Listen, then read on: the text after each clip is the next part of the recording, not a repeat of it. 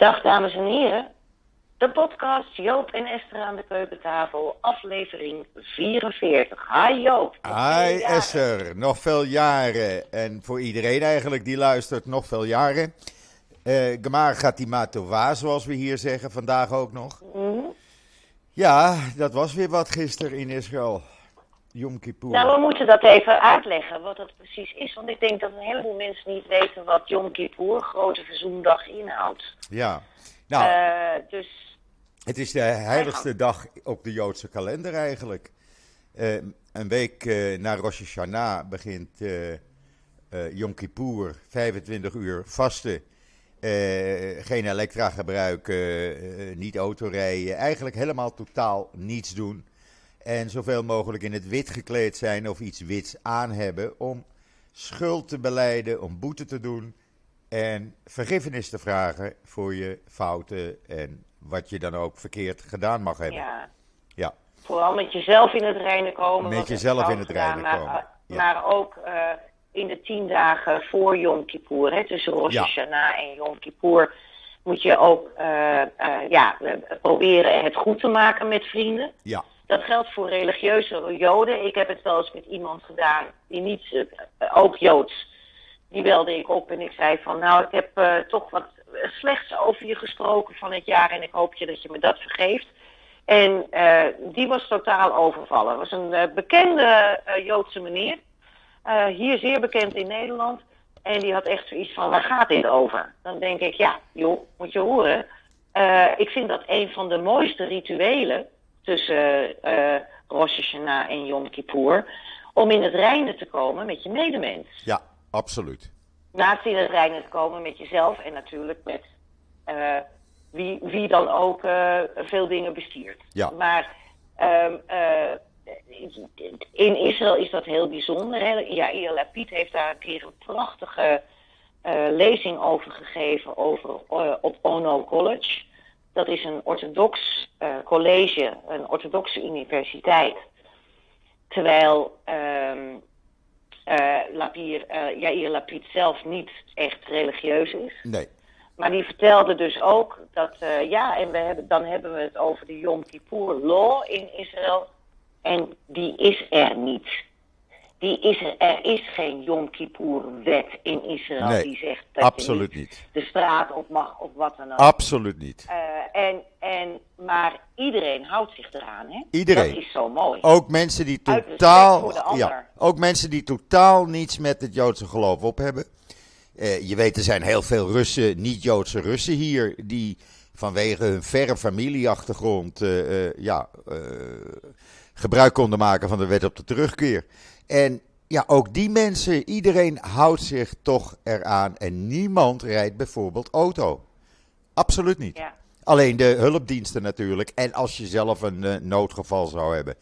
Maar voor de rest worden, rijdt er niemand auto. En het grappige is wel, je mag geen elektra gebruiken. Maar mensen rijden wel hun elektrische fietsen en elektrische autopads. Ja, Ja. eh, weet je. Maar er zijn, er zijn ook gewoon heel veel. mensen begrijpen dat niet, hè? Eh, dat het merendeel van eh, de Israëlische bevolking beschouwt zichzelf als atheïstisch. Ja, seculair, laten we zeggen. seculair. Of nou ja, traditioneel. En, ja, en maar, maar er zijn ook heel veel die gewoon atheïst zijn, die niet in een God geloven. Ja, En, eh, want Jodendom is natuurlijk veel meer dan alleen eh, het geloof. Het is ook een volk, het is ook de traditie, het is ook de geschiedenis, het is ook de liefde voor Israël. Dat, Ja. is alle, dat behoort allemaal daartoe. Ja. En eh, ja, hier in Nederland ook. Ik merk het ook heel vaak met mijn mens eh, in het NIW. Daar staat ook een kopje geloof. En de meesten zeggen van, nou ja, eh, of ik geloof of niet, dat maakt me niet zoveel uit. Ik ga meer voor de traditie. Ik absoluut. ga meer voor inderdaad het Yom Kippur gewoon, ehm, eh, inderdaad met bekenden eh, om de tafel zitten of bekenden bellen en zeggen van, kunnen we het goed maken voor Yom Kippur, enzovoort, enzovoort. Ja. Die tradities, die, die zijn heel belangrijk, ook voor mensen die verder helemaal niet in God geloven. En heel, en heel mooi. een- heel mooi. Het is een prachtig ritueel. Ja, want jij, jij had het over die tien dagen voorafgaand. Dan heb je natuurlijk in die tien dagen Seligot-diensten. Vooral bij de Klaagmuur, waar dan tienduizenden mensen elke avond komen.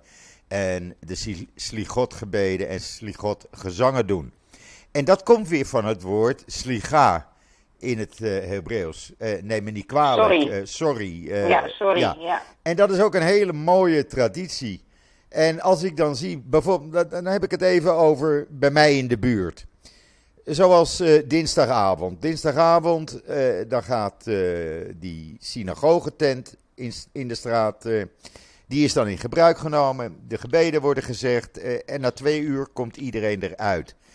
Dan blijft iedereen op straat. Men gaat op straat zitten, men gaat op straat wandelen. Eh, mensen praten met elkaar. Eh, eh, het is een heel, ja, een heel, het lijkt wel een volksfestijn, maar dan op een religieuze wijze, zeg maar. En dat is zo bijzonder, Esther. Dat, dat moet je echt een keer meemaken. Echt. En dan op woensdag. Iedereen is, ja, over het algemeen is iedereen in het wit gekleed. Of totaal in het wit, of een wit overhemd aan, of wat dan ook. En dan, ik Ja, ben... moeten we even, even, eh, moeten we even, moeten we even Ja. uitleggen, Joop. Wit is in het Jodendom kleur van rouw. Eh, ja, ja. Maar wordt op Yom Kippur gebruikt om boete te doen, zeg maar. Om, om, om, Boete te doen, ja, eh, om, om je te verschonen. om je te verschonen, Om- ja. om- ja, om, om wit.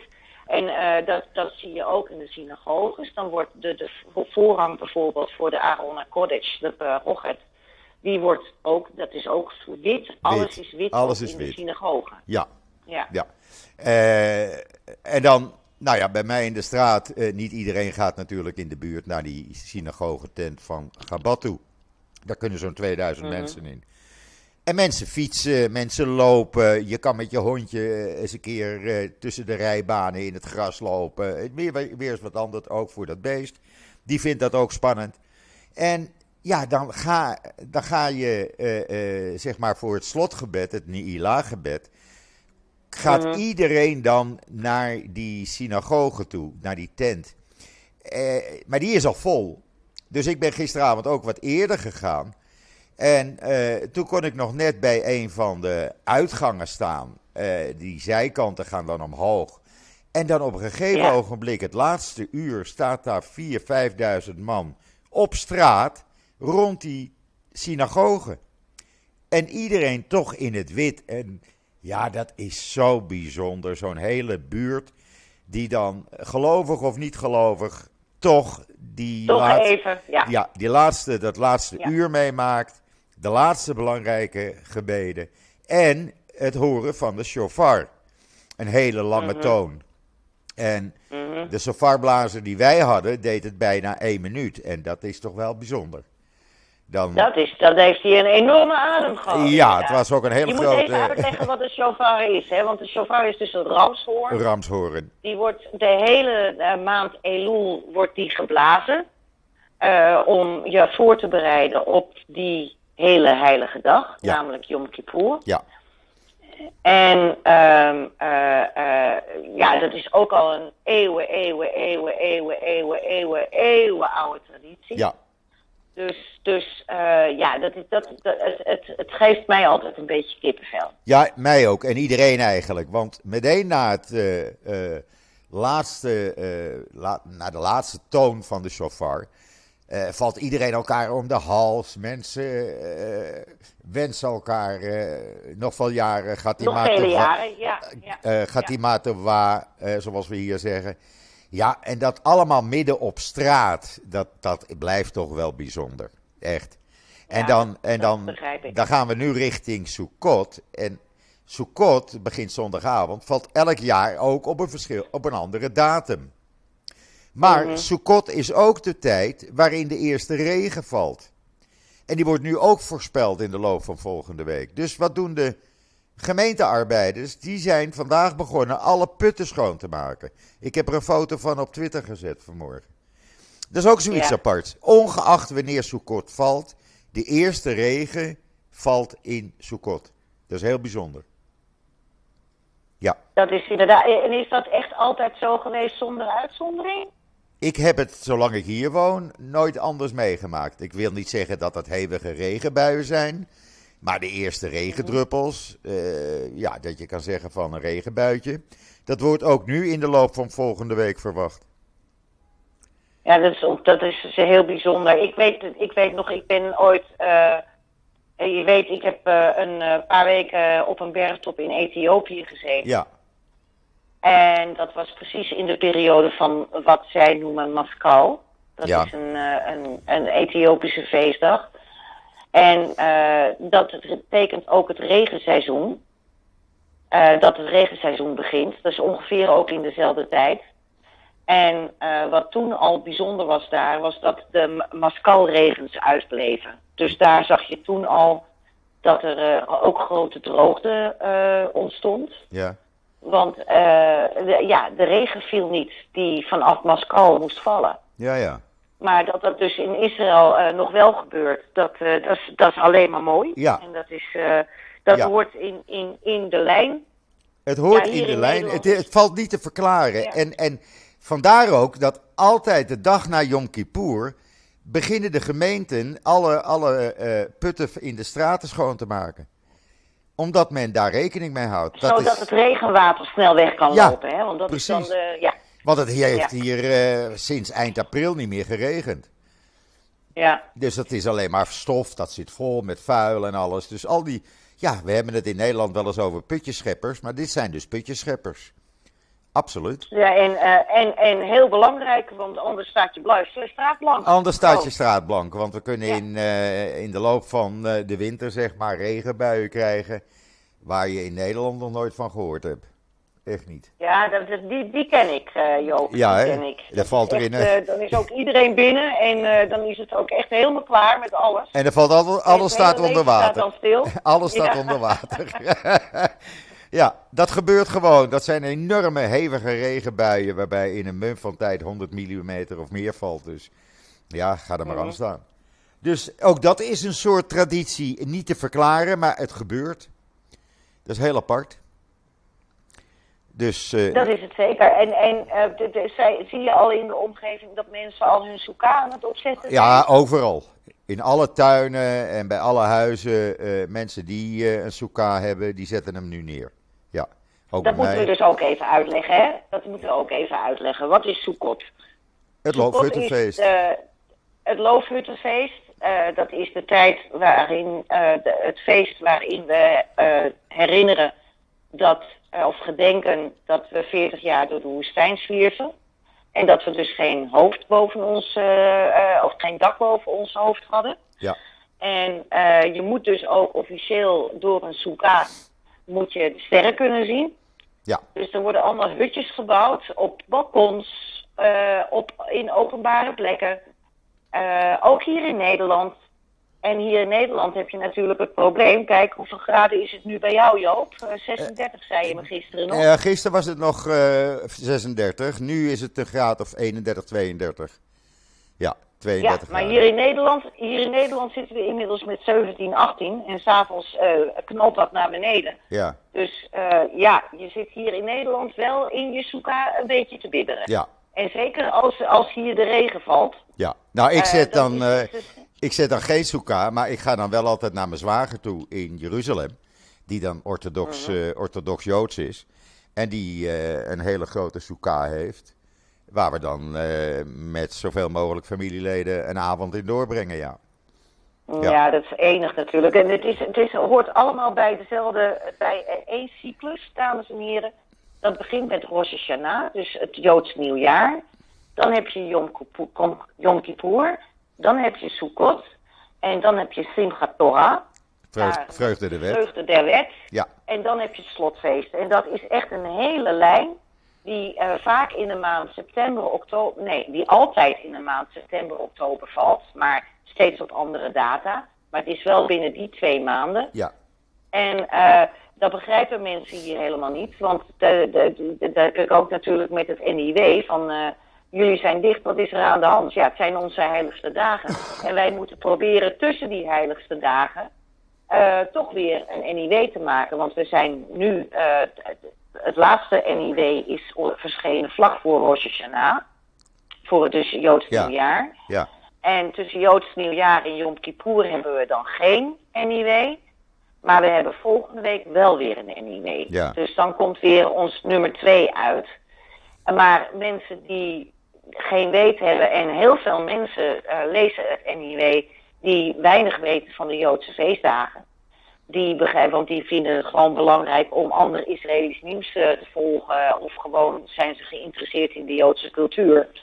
Maar die begrijpen dan niet dat dit dus voor ons een hele eh, ja, grootste tijd is. ja, Waardoor, waardoor er, waar, er is natuurlijk helemaal geen liëring met bijvoorbeeld de Nederlandse feesten. Dat heb je natuurlijk wel met kerst. Hè? Kerst en Hanukkah valt samen. En, eh, of vrijwel samen. En Pesach en Pasen valt samen. En Pinksteren, dan hebben we Shavuot.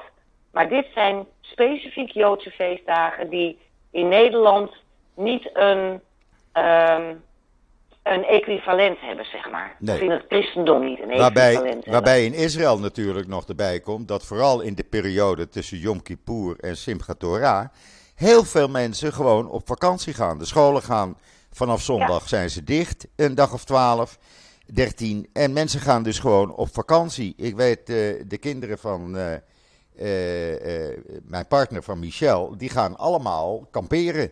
En dat doen veel mensen. Die gaan kamperen ergens in het noorden of ze gaan naar de woestijn.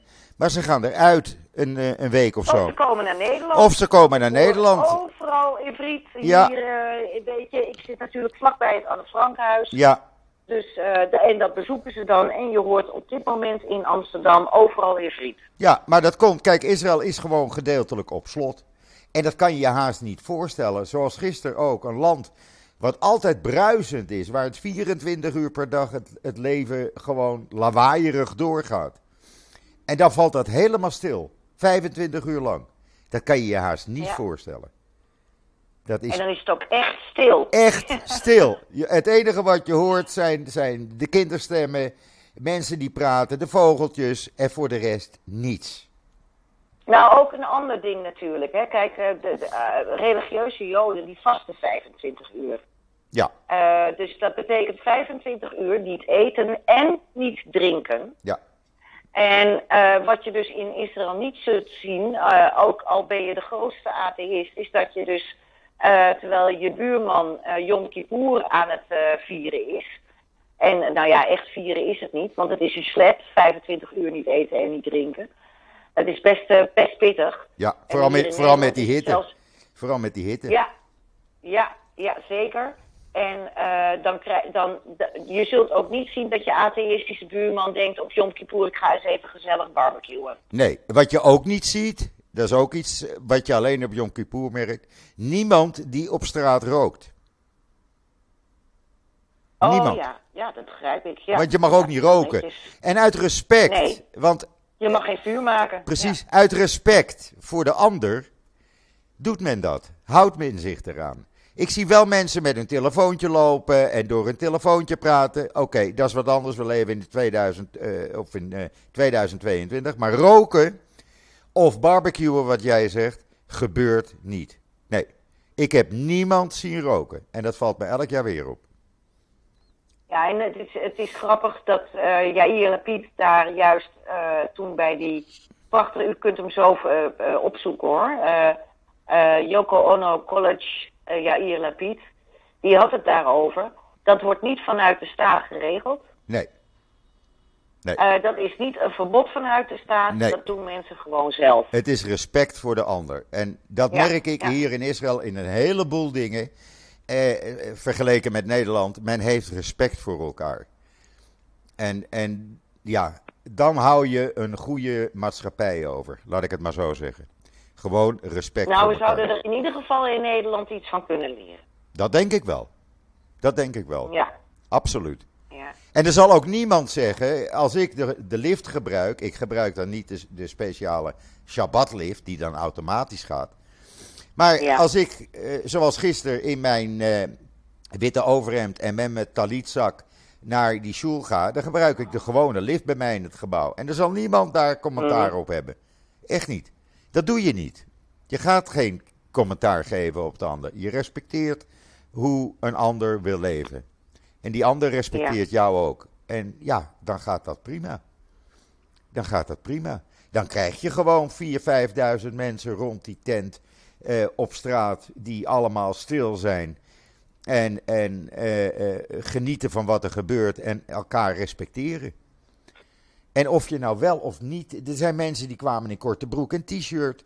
Er waren mensen heel orthodox gekleed. Alles kan en niemand heeft commentaar.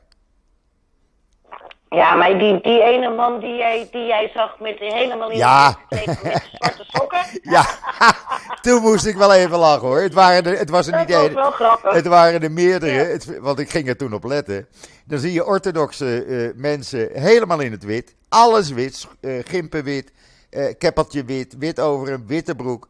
En dan gaan ze zitten en dan zie ik dat ze zwarte sokken er hebben. En dan denk ik, komt dat er nou niet meer vanaf?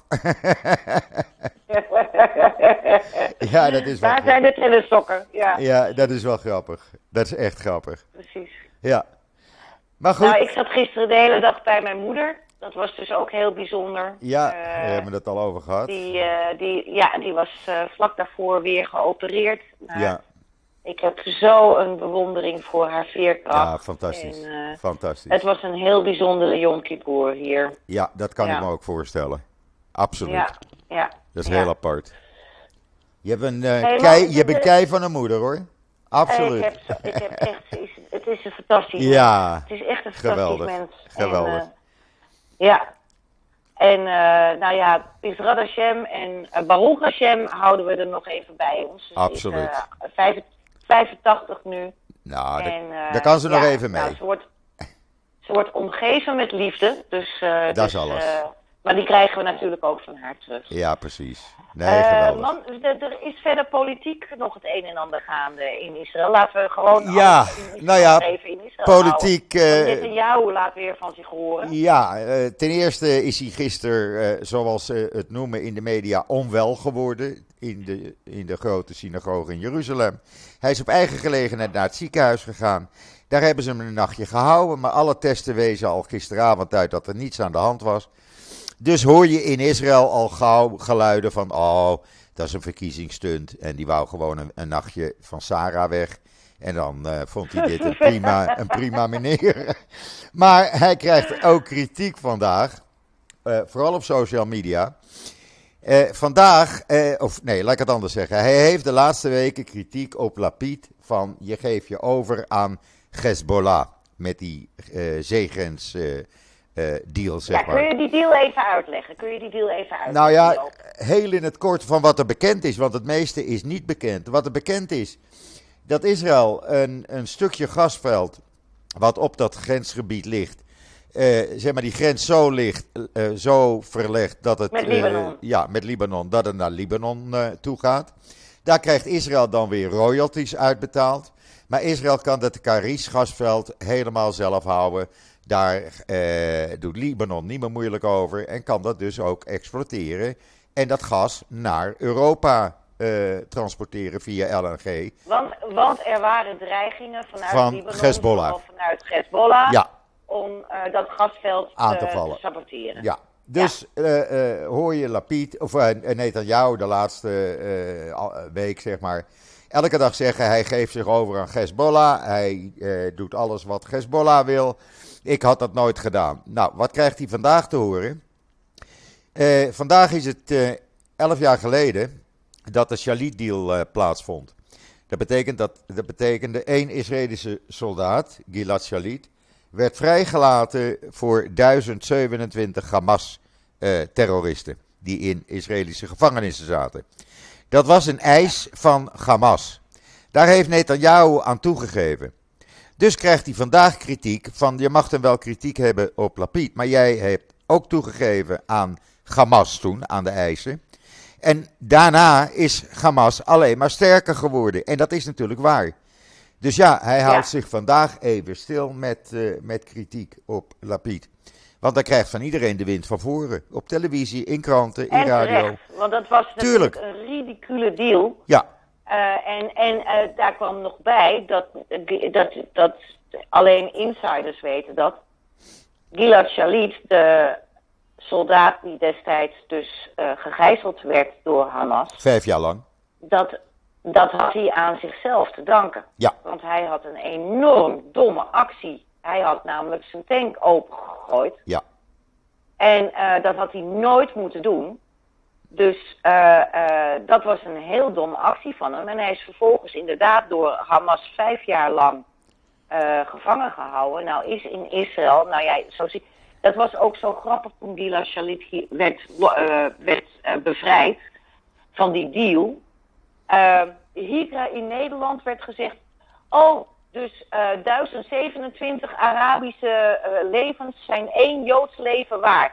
Met andere woorden, zo denkt Israël over de Arabische levens. Ja, maar zo was nou, het helemaal ik viel niet. Echt van mijn, ik viel echt van mijn stoel hier. Ja. Dat is niet te geloven. Want uh, er is, natuurlijk had Israël graag één uh, gevangene geruild voor één gevangene. Ja. Maar daar ging Hamas helemaal niet mee akkoord. Die hebben toen het, de volle, het volle pond eruit gesleept. Inclusief die vrouw die uh, toen uh, mede-bedenker en mede-uitvoerder was van die verschrikkelijke aanslag toen op, uh, in het centrum van Jeruzalem. Ja. Waarbij een aantal familieleden van een Nederlands-Joodse familie omkwamen. Ik geloof wel vijf. Ja, vijf leden van de familie Schrijverschuurder. Ja. Ja, en toen, er is ook een beroemd filmpje dat die vrouw wordt geïnterviewd in de Israëlische gevangenis. En uh, daar vraagt de interviewer, ik geloof dat het van de BBC was, uh, hoeveel kinderen denkt u dat er omgekomen zijn? En toen zei ze drie, vier en toen antwoordde die man zes. Hou me te goede met de cijfers, want daar ben ik zo goed mee. En toen begon ze te glimlachen. Ja. Zo van, nou, dat heb ik dan goed gedaan. Ja, dat video, videootje kan je op YouTube zien. Kun je terugvinden op YouTube. En die vrouw is dus vrijgelaten en Ja. is daarna een grote ster geworden in Jordanië. Heeft zelfs haar eigen tv-show gekregen. Klopt. Dus, dus dat zijn dingen die je in het Westen niet kunt voorstellen, maar die wel gebeuren.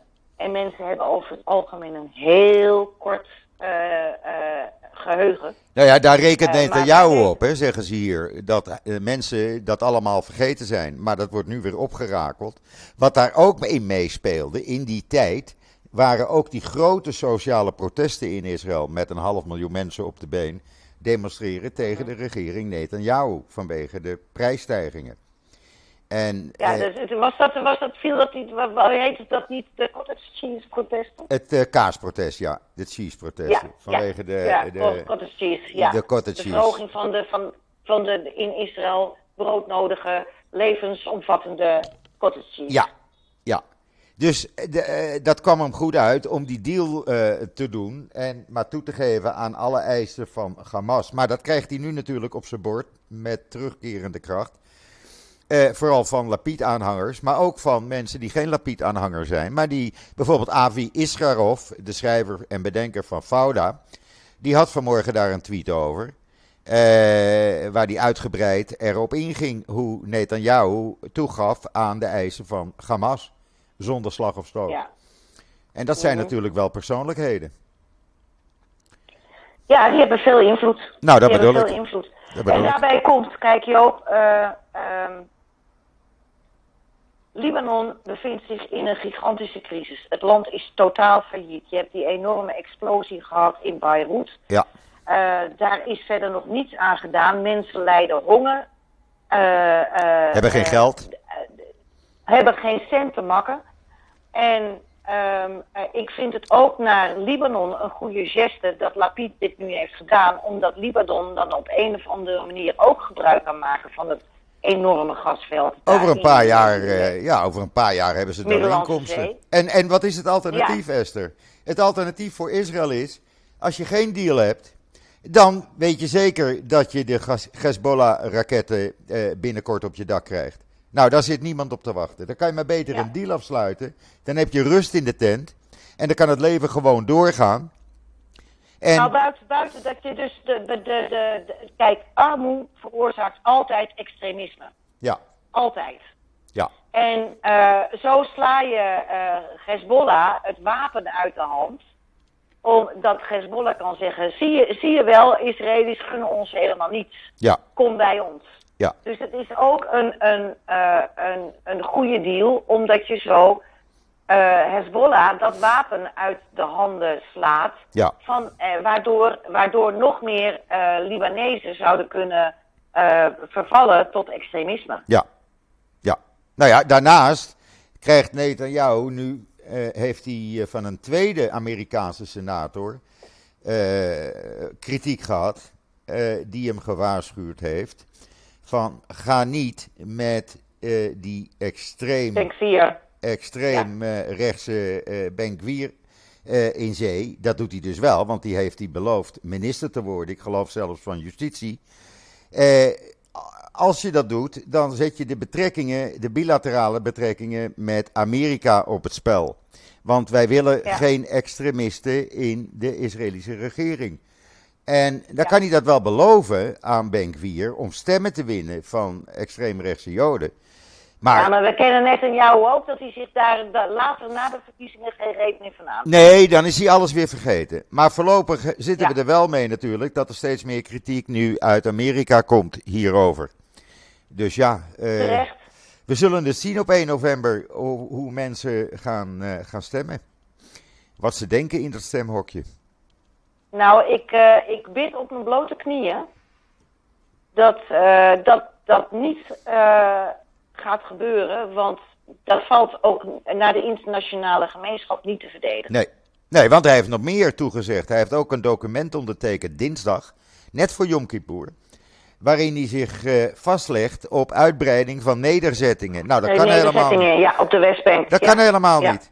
Dat kan helemaal niet. Je kan niet zomaar nederzettingen gaan bouwen. Dat bestaat helemaal niet.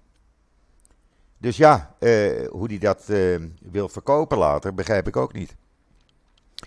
Dus... Nee, maar hij, hij, probeert gewoon aan alle kanten die extreemrechtse flank voor zich te winnen. Ja.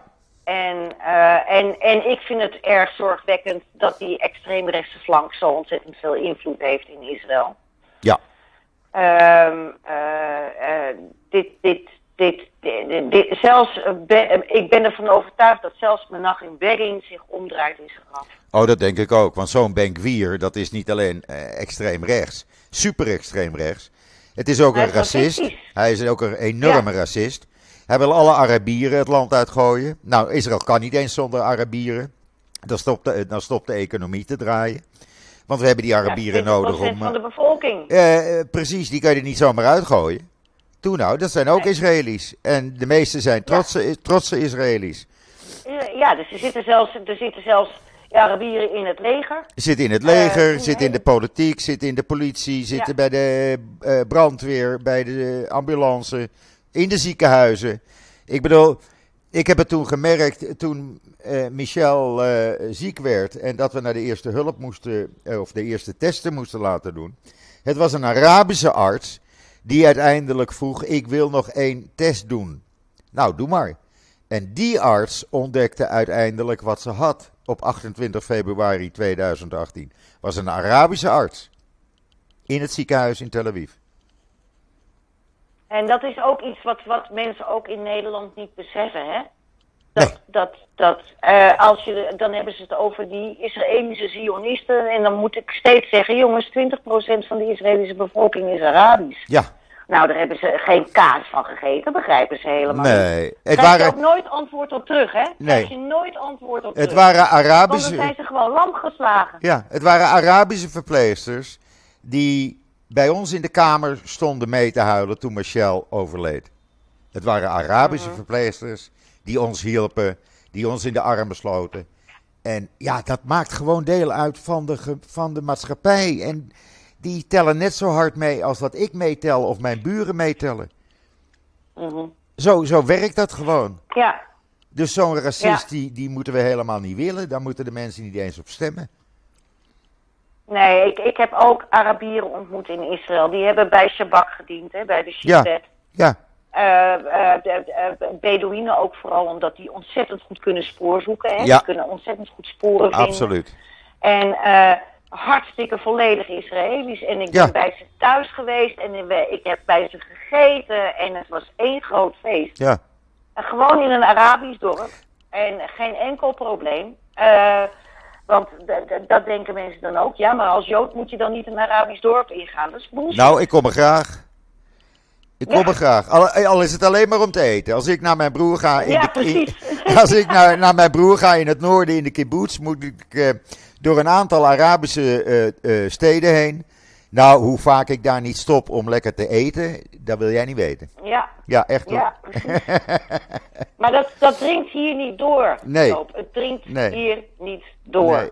En als ik, als ik, eh, luister, als mensen hun medicijnen nodig hebben, 90% van de apotheken in Israël wordt gerund door een Arabische familie.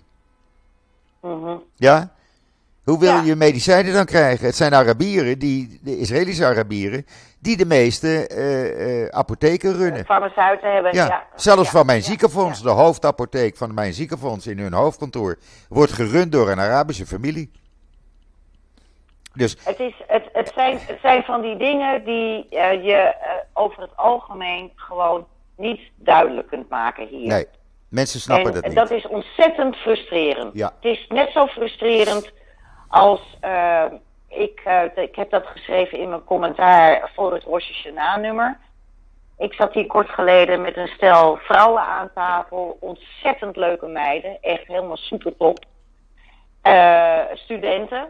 En um, toen kwam het over op Jodendom. En uh, toen vertelde een meisje, die, die had echt het idee dat Joden alleen maar in het zwart gekleed met een hoed op waren.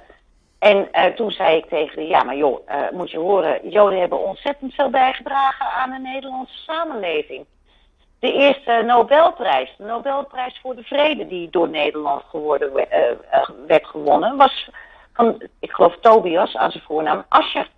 Ja. En, en die man die deed ongelooflijk veel voor internationale wetgeving. Ze viel van de stoel. Ik zeg, kijk naar wat Joden bijdragen aan de samenleving. Einstein was een Jood. Ze viel nog een keer van een stoel. Dat je dus niet weet dat Einstein een Jood was. En dat is dan de hele maatschappij, maar ik heb het ook heel erg over de Nederlandse maatschappij. Wertheim. Um, mensen hebben geen flauw benul wat Joden in Nederland hebben bijgedragen aan de maatschappij. Meneer Samuel Pallas, die oorspronkelijk uit Spanje kwam, Uh, die uh, ook medeoprichter is van de Joodse, van de Portugese Joodse gemeenschap hier. Iemand die uh, financierde prins Maurits. Zodat Maurits, de, de, weet je wel, Willem de Zwijger ja. en dan Maurits. Ja. Dat die zijn oorlogen kon voeren. En als die, als Pallas niet had gezorgd voor die financiering, dan had de hele geschiedenis van Nederland er totaal uit, anders uitgezien. Ja. Niet voor niets was het prins Maurits toen Samuel Pallas overleed, dat, uh, dat Maurits achter de baar van Pallas heeft aangelopen richting de uh, begraafplaats in Oudekerk. Die heeft die hele route gedaan uit respect voor Samuel Pallas. Mensen weten dat niet. Nee, het, het voorlichting is heel belangrijk. Voorlichting is heel belangrijk. Nou had jij het over, andere... over dat antisemitisme-rapport. Uh, uh, ja. Vanmorgen. Ja. Nou ja, dat, dat vanochtend, ik heb, er net, ik heb net alles doorgetwitterd ook. Edo ja. onze Nationaal Coördinator Antisemitismebestrijding, die heeft een werkplan antisemitisme ingediend bij de Tweede Kamer. Want je ziet dat, dat op diverse vlakken dat de Joodse geschiedenis van Nederland en de bijdrage van Joden aan Nederland, dat dat steeds meer wordt uitgegund. Dat zie ik ook bijvoorbeeld uh, in televisieprogramma's, als we het hebben over de geschiedenis van Nederland. En dan worden Joden alleen maar weggezet als slachtoffers, want dan ineens komt de Tweede Wereldoorlog en dan hebben we het natuurlijk over de Shoah. Uh, en dat moet ook zeker verteld worden. Maar daarbij moet verteld worden hoe waardevol de Joodse gemeenschap is geweest voor de ontwikkeling van Nederland. Ja. En dat wordt vergeten. Dus we worden alleen maar neergezet als slachtoffers. En, en daarbij komt, uh, is er ongelooflijk veel onwetendheid over het Jodendom. Want er was dus een andere vrouw die bij mij aan de tafel zat. En die vertelde, ja, maar uh, um, uh, ik word er toch wel een beetje moe van dat bij ons, het is in het zuiden des lands, Joden aankomen bij ons aan de deur. En dat ze dan uh, uh, willen dat we ons bekeren. Ik zeg nou, ik zeg, ik kan je verzekeren. Joden doen dat niet. Dat dat geen Joden, geen nee. Joden zijn. Want Joden bekeren niet. Nee. Punt. Nee, dat Die doen Joden niet. Nee. En, ja, ja, maar het was toch echt een Jood, want wij droegen een keppel. Ja. En toen, toen zei ik, moet je, ik, ik ben kort geleden in Oekraïne geweest, Joop. En daar kwam ik een stel uh, uh, mensen tegen, Nederlanders, die uh, zowel met een keppel opliepen als tzitzit droegen. Maar ik zag het zij gewoon Nederlands en ze spraken ook, oh, ze spraken ook Nederlands. Nou heb je natuurlijk Joden die Nederlands spreken, hè? Tuurlijk. Kijk naar Opperbijn Jacob. Jacob. Ja. Maar ik had zoiets, ik, toen werd er ook gevraagd van, ja, zijn jullie Joden dan? Nee, we zijn geen Joden, want uh, we, we, dan moeten we Jezus afzweren. Oh. Dan denk ik, joh, verzin je eigen mode. Verzin je eigen mode. Met je tzitzit en keppel. Een beetje van ons afpikken. Bent. Wat is dit? Niet te geloven. Ja, dat is niet normaal. Echt hoor. Niet normaal. Dus, dus iedereen trekt de conclusie dat zijn Joden, maar het zijn geen Joden. Nee. En als zij dus ook een fout maken of wat dan ook, dan worden wij erop aangekeken. Ja. Dus ik zei dat ook tegen dat, die, die vrouw die aan de tafel zat. En het was verder hartstikke gezellig en zo. Ik zeg, ik kan je op een briefje geven dat het geen Joden zijn. En toen zei ze, ja, maar ze droegen toch een keppel. Ik zeg, ja, jij, jij kunt nu ook een keppel opzetten. Ben je toch ook niet Joods? Ja, precies. Weet je, dus het Ja. is heel moeilijk om dat duidelijk te maken. Ja. En, eh, eh, eh, ja, en het is allemaal, want dit zijn zeer intelligente meiden. En eh, eh, nou, ze weten allemaal dat ik Joost ben en we hebben ons een ontzettend goede band. En ze blijven hier ook logeren bij mij in huis. Maar de onkunde is gigantisch. Verschrikkelijk. Ja, en, daar voorlichting. Maak, daar maak ik me zorgen Ja. over. Daar maak ik me echt zorgen Ja. over. Ja. Maar goed, daar dragen wij een beetje aan bij, Esther, met onze tweewekelijkse podcast. Een beetje uitleg geven, een beetje eh, vertellen hoe het, hoe het zit. Zowel met het Jodendom als het Joodse leven. En dat opent toch mensen hun ogen, mag ik hopen. Dat hoop ik, dat hoop ik. Ik hoop dat er een beetje bijdragen. Want, want het is. En vooral onder de jongere generatie. Want, en dat begrijp ik ook, hè. Want een van die meiden bij mij aan tafel zei ook... Ja, op de middelbare school hebben we heel veel gehad over de islam. Dat begrijp ik. Want uh, ja, er is gewoon een heel grote bevolkingsgroep in Nederland... die islamitisch is. Ja, Dus dat je daar iets van meekrijgt, begrijp ik. Maar uh, dat moet niet ten koste gaan van het uitgummen van de Joodse geschiedenis hier in Nederland. en dat En- gebeurt wel. en- dat gebeurt wel. Uh, dat, dat gebeurt. En dat, dat gebeurt, merkte dat ik, gebeurt. en daar maak ik me kwaad om. Hè. Eh, het is al een tijdje zo dat eh, eh, premier Rutte op Joodse feestdagen de Joodse bevolking geen gelukkige feestdagen wenst. Hij Ja, maar dat gooit doet hij ook niet met... uh, volgens mij doet hij dat ook niet met andere feestdagen Jawel. van andere wel met het suikerfeest, wel met andere islamitische feestdagen, doet hij het nog steeds. Het valt mij elke keer weer op. Weet je dat zeker, Joop? Ja, weet ik zeker. Hm. Ja, ja. Dat, is, dat is hartstikke beroerd. Dat is, dat, dat, dat, dat is dan niet oké. Nee, Ja. Nee, Dan denkt men alleen aan electoraat. dat bedoel ik. Ja. Die 30.000 Joden achter. Nee, als je, als, je het doet, als je het doet, dan moet je het consequent doen. Consequent. En hij is daar een paar jaar geleden, ik geloof twee jaar geleden, opeens stopte dat. Anderhalf jaar geleden. Het valt mij elke keer weer op. Nu ook met Rosh Hashanah. Nou, elke regeringsleider, elke regeringsleider doet het naar zijn Joodse bevolking toe.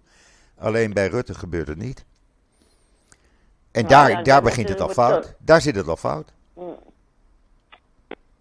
Nou, ik heb het kort geleden nog tegen eh, een eh, zeer vooraanstaande Nederlandse Jood gezegd. Ik was in Maastricht. En ik kwam toevallig eh, Benoit Westie tegen. Ja, en Benoit is jarenlang de voorzitter geweest van de Joodse gemeenschap in Limburg. Is mij, Benoit is mij zeer dierbaar. En eh, die zei ik ook in een gesprek dat wij onder ons hadden van... eh, Benoit, we worden uitgegumd. We worden uitgegumd. ja. Ja. En dat is een zeer trieste ontwikkeling. Ja, want, want het punt is ook dat wij zo voor andere minderheidsgroeperingen zo'n groot rolmodel zouden kunnen zijn. Absoluut. Absoluut. Maar dat wordt nu helemaal weggevlakt. Nou ja, je, je merkt gewoon, we zijn niet meer relevant. Nee. nee maar gelukkig is er dan toch een Nationaal Coördinator Antisemitismebestrijding. Die valt onder uh, het ministerie van Veiligheid en Justitie.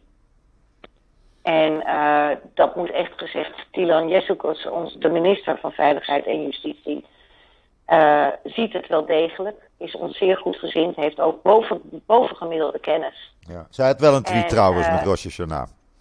Ja, ja, ja, zeker. Ja. ja. Maar ja, dat had minister Kago. Ja. En maar, maar ik weet gewoon, bij Dylan komt dat, bij Dylan Jessokos komt dat vanuit het hart. Ja, absoluut. En, en ehm, ik ben erg blij dat dit werkplan nu is ingediend. En ik hoop dat het wordt goedgekeurd. En, en Edo Verdoner heeft daar echt goed werk van gemaakt. Onze Nationaal Coördinator Antisemitismebestrijding. En uh, ik heb het net getwitterd, dus je kunt het allemaal nalezen. Ik zal hem, uh, allemaal ik zal hem gaan opzoeken. Ja. Nou, ja. dan eindigen we met een positieve noot, denk ik, Esther. Toch? Ja, er wordt aan gewerkt. Ja. Ja, ja. we zitten alweer op bijna 50 minuten wat we bij elkaar gekletst hebben. Hoe Meen je niet? Ja. Is dat zo? Ja, bijna 47 nou, dan moeten we. Echt, echt, uh, dan moeten we er een eind aan breien weer, Joop. We hebben altijd zoveel te vertellen.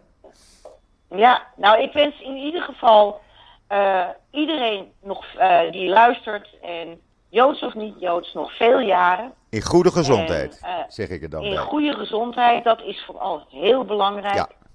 En ja. dan tot de volgende keer weer, Joop. Ja. Dan zijn de feestdagen weer helemaal achter. Dat zeiden ze hier ook zo mooi en vandaag ook nog in winkels. Dan zeggen ze, Gmar Gatimatova. Gatimatova. We ja. harbe, harbe briut. Heel veel gezondheid. Dat hoor je er dan achteraan.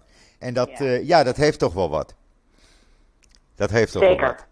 Dus iedereen uh, nog veel jaren. Shabbat shalom. Fijne Sukkot. Als jullie uh, in de Sukkot-hut zitten.